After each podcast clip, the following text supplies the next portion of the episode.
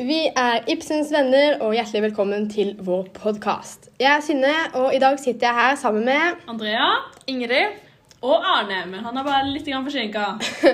I dag skal vi i hvert fall ta for oss en ny av Ibsen sine bøker. Dere bør glede dere masse.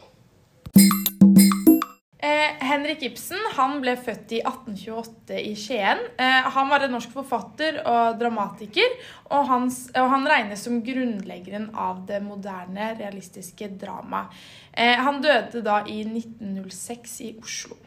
Og flere av stykkene hans spilles fortsatt i dag eh, verden over. Og han er fremdeles veldig viktig for verdenslitteraturen, og kanskje spesielt kjent for sin bruk av dramatiske virkemidler. Stykkene hans tar jo ofte for seg overfladiskhet og løgnaktighet, og han er kjent for å sette samfunnsproblemer under debatt. I dag så skal vi ta for oss en av hans mest kjente verk, nemlig Per Gynt. Per Gynt det er et dramatisk dikt som går over fem handlinger og er skrevet i 1867. Diktet bygger på sangstoff, folketro og eventyrmotiver. Og Man kan også si at det er et slags oppgjør med nasjonalromantikken. Diktet er skrevet på gammelnorsk, og det inneholder altså veldig mange særnorske ord. Nå vet dere litt om hvem eh, Henrik Ibsen var, og litt om strukturen i Per Gynt. Eh, vi skal i denne podkasten snakke om eh, på hvilken måte hovedpersonen forandrer eller utvikler seg gjennom diktet. Ja, og så skal vi også se litt på hva betydningen av boka er, og hvorfor den er så aktuell i dag. Og dette er da problemstillingen vår.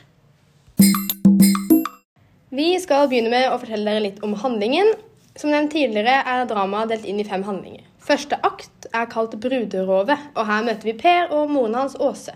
Per han har stukket av hjemmefra og rømt vekk fra arbeidet hjemme. Åse blir naturligvis sinna og begynner å lete etter Per. Etter hvert så finner Åse Per oppe i fjellene, hvor han forteller Åse at han har ridd på et reinsdyr rundt i fjellene, og har styrtet ned eh, i et vann med dette reinsdyret. Eh, det første Åse gjør da, er å rive seg med i historien, men etter en kort stund mener Åse at han lyver. Ja, og Etter hvert så forteller også Åse Per at familien en gang har vært rik, men at faren har sløst bort all rikdommen.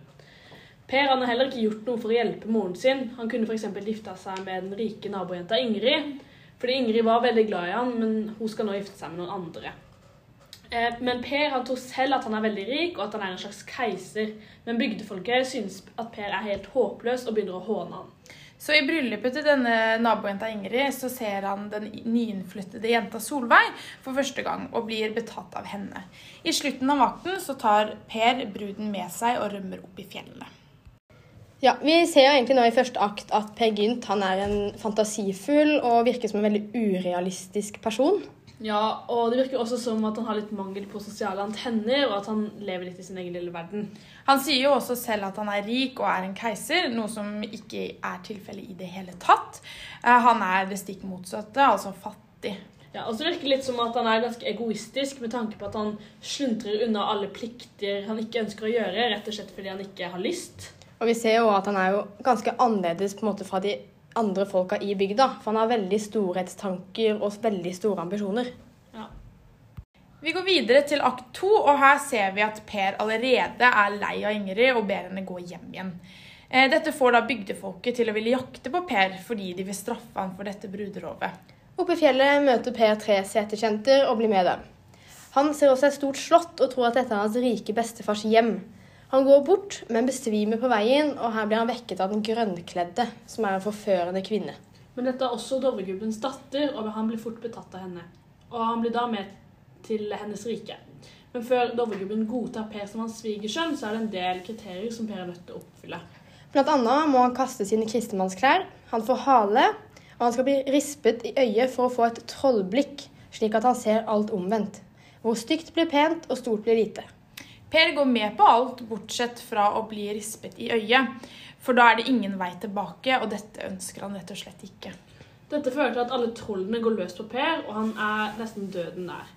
Da velger han å rope på hjelp av moren sin. Da hører han kirkeklokkene ringe fra bygda, og dette bryter trollenes makt, og Per blir reddet. Da møter han uh, Bøygen, som er et uformelig, uh, digert vesen. Uh, som sperrer veien og ber han om å gå utenom.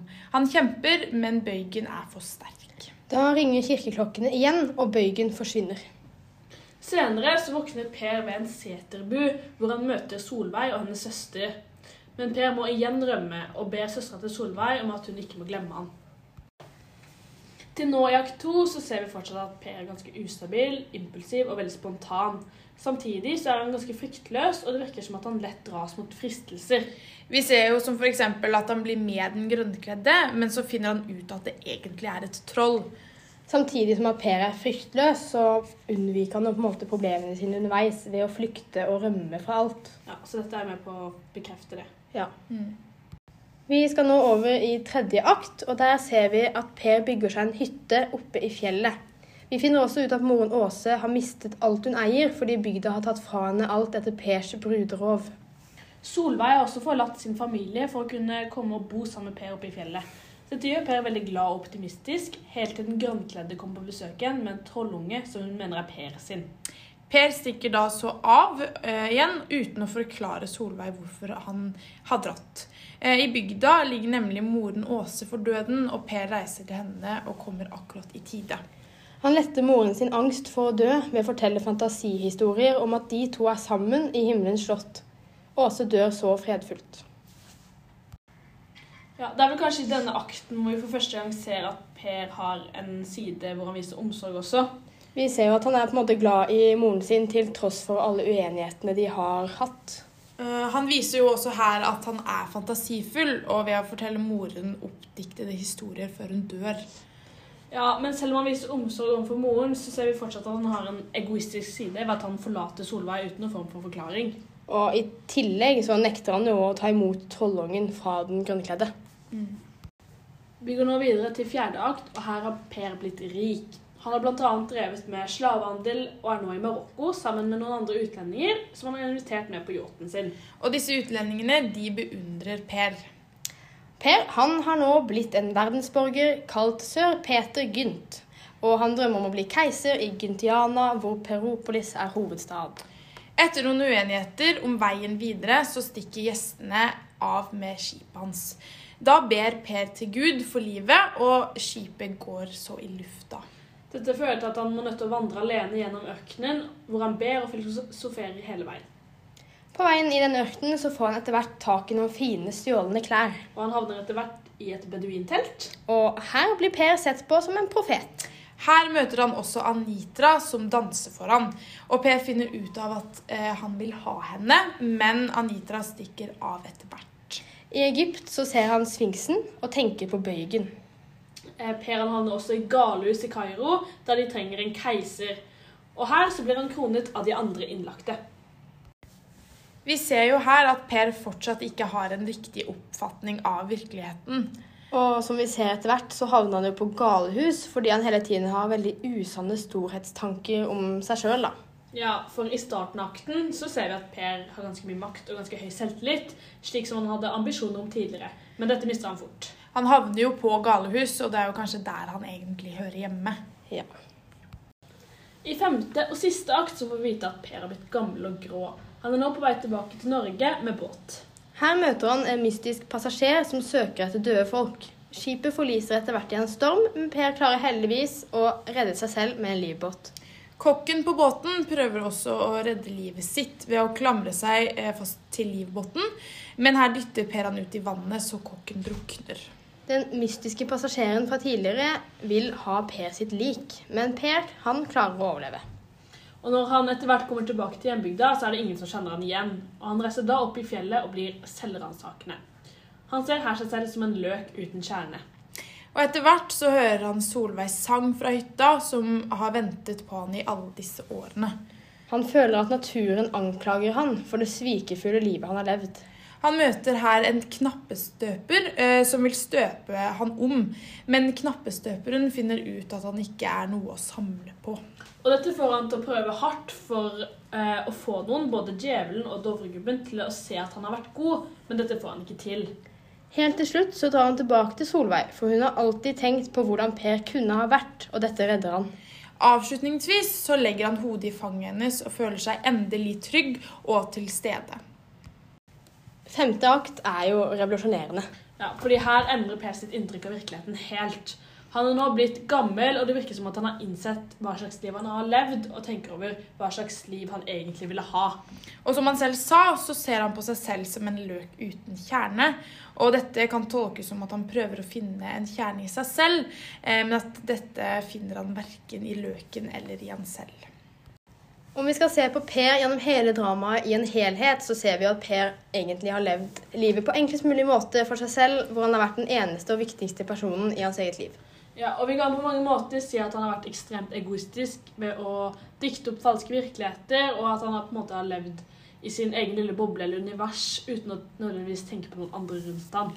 Han har jo hele tiden laget seg en identitet etter hva som gagner han i hver enkelt situasjon.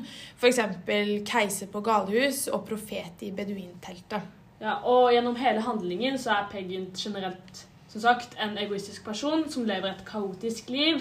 Likevel så får vi noen innskudd av at han har en omsorgsfull side. da. Dette ser vi jo et eksempel på i akt tre, hvor han reiser hjem for å berolige moren sin Åse, som ligger for døden. Han har jo også fra start eh, storhetstanker og ambisjoner som forskrekker alle, også oss lesere. Eh, dette er jo en oppdikta fortelling som handler om Per Gynts reise for å finne ut av hvem han er. Men om vi ser dette i et større perspektiv, så kan nok alle kjenne seg litt igjen i Per Gynt. For hvem er vi egentlig når vi er oss selv? Vi mennesker har jo en tendens til å endre oss og tilpasse oss litt ut fra ulike situasjoner som vi havner i. Slik som Per Gynt i prinsippet gjorde. Vi mennesker blir jo hele tiden påvirket av omgivelsene rundt oss, og dette er jo med på å forandre vår personlighet. Eh, vi har nok alle opplevd samme situasjon hvor man må ta et vanskelig valg eh, som man helst vil unngå, eller at man er kommet i en eh, situasjon hvor man føler at man ikke har kunnskap, eller at man ikke strekker til. Og da er det jo veldig fort gjort at vi lager oss en rolle for å hevde oss selv, slik som Per Gynt gjorde. Vi ser at Per Gynt lever på å skape roller for å lette på vanskelige situasjoner, virker det som. Men i slutten så ser vi at dette ikke lønner seg i lengden i det hele tatt. For jo mer man later som eh, om at man er noen andre, jo mer forsvinner din opprinnelige kjerne. Så for å oppsummere nå i slutten, så ser vi en veldig stor utvikling av hovedpersonen Per Gynt i dette dramaet. Han går fra å være en fantasifull, egoistisk og fjern gutt med store og urealistiske ambisjoner og mål i livet, til å etter hvert mot slutten bli en mer reflektert og jordnær mann. Livet han alltid hadde ønsket, sto ikke helt i stil med den han hadde levd. Og han skjønte etter hvert at han hadde sviket mange på veien, og allikevel ikke oppnådd det han egentlig fantaserte om. Ja, Det virka som om han på en måte fikk en litt indre ro mot slutten, og at han ble litt eh, tryggere i seg selv. Tema og budskapet i dramaet er jo om kjærlighet og det å finne seg sjøl. Vi mener at den dypere betydningen i dramaet handler om hvordan vi mennesker forandrer oss i ulike situasjoner for å passe inn i samfunnet vi lever i. Det var det vi hadde å bidra med i dag, og vi håper jo at du som hørte på, likte det. Og kanskje at du fikk et litt dypere innsyn i et av Ibsens mest kjente verk. Tusen takk for oss! Ibsens venner!